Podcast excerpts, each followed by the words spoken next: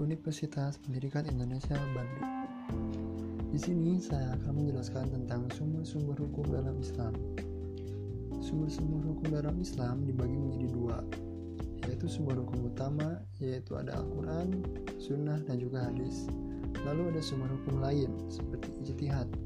Nah, di dalam ijtihad terdapat berbagai unsur seperti ijma, kias, dan lain-lain, yang nanti saya akan jelaskan di bagian sumber hukum yang lain. Pertama, dalam sumber hukum Islam itu ada Al-Quran. Secara etimologis, Al-Quran adalah bacaan.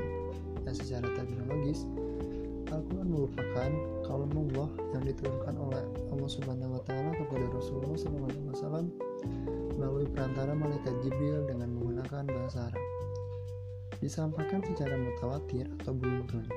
Dan Al-Quran tidak akan mungkin berbeda dari dulu sampai sekarang kaliannya karena sahabat pada masa itu beramai-ramai mendengar baca Al-Quran, lalu jika membacanya juga mengira ibadah. Dan pada saat itu, para sahabat menuliskannya di batu dan juga di pelepah daun kurma dan juga di kulit unta. Lalu ada isi dan makna dan juga tempat diturunkannya Al-Quran. Isi mengenai Al-Quran adalah tentang akidah, syariah, dan akhlak, seperti mengenai ketauhidan, moral, dan tingkah laku. Lalu juga ada janji dan ancaman seperti surga dan neraka.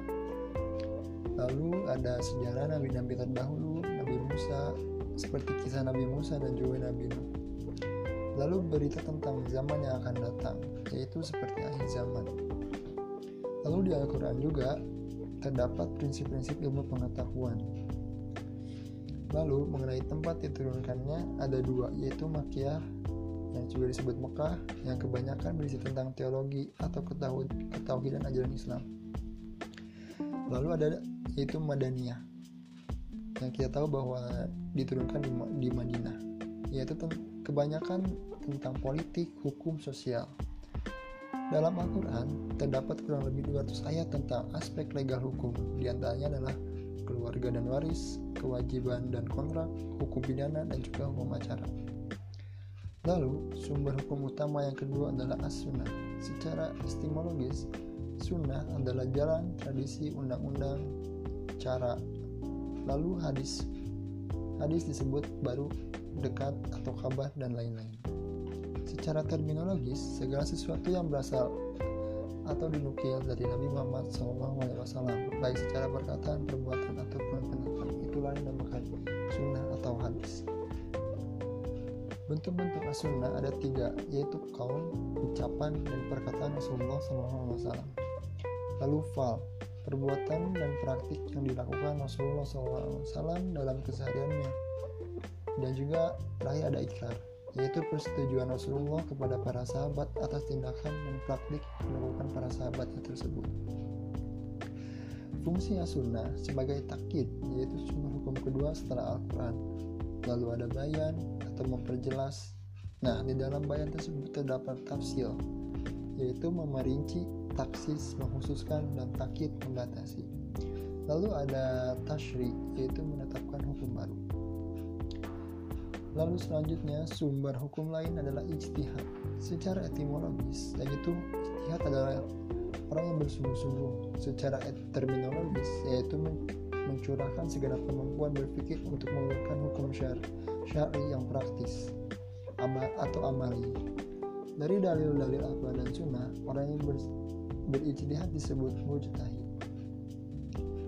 Dasar penggunaan ijtihad adalah yang nomor satu adalah Al-Quran, surat An-Nisa nomor 4 ayat 59. Yang kedua adalah Sunnah, yaitu hadis tentang yang diutus seperti hadis yang di, yang menceritakan tentang diutusnya Mu'ad menjadi hakim di Yaman.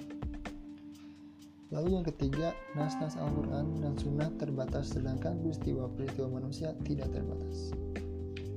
Lalu di sini saya akan menjelaskan tentang metode cara berijtihad, yaitu ada sembilan cara metode berijtihad. Yang pertama adalah ijma, adalah kesepakatan seluruh mustahid dari kaum muslimin. Ada kias, adalah hukum dan suatu kejadian atau peristiwa yang ditetapkan dengan cara membandingkan dengan hukum kejadian. Lalu ada ihtisan adalah berpindahnya seorang mustahid dari ketentuan hukum yang satu ke hukum yang lain. lalu yang keempat adalah masalah musalah atau istilah yang diberlakukannya suatu hukum atas dasar kemaslahatan orang banyak lalu istishab adalah metode istian yang dilakukan dengan cara menetapkan hukum yang telah ada sebelumnya lalu uf adalah segala sesuatu berupa perkataan atau perbuatan yang sudah dikenal masyarakat dan telah dilakukan secara turun temurun. Ya, lalu selanjutnya adalah sajuj jariyah. Adalah sesuatu yang secara lahiriah hukumnya boleh namun dapat mengarah pada kemaksiatan. Lalu delapan ada kaul syahabi adalah pendapat para sahabat terkait hukum suatu perkara yang dirumuskan setelah Rasulullah SAW wafat. Dan yang terakhir adalah sya'u man adalah hukum Allah yang yang disyariatkan kepada umat terdahulu yang diturunkan melalui nabi-nabi sebelum Nabi Muhammad SAW. Nah, mungkin segitu saja yang bisa saya sampaikan dalam podcast kali ini. Terima kasih.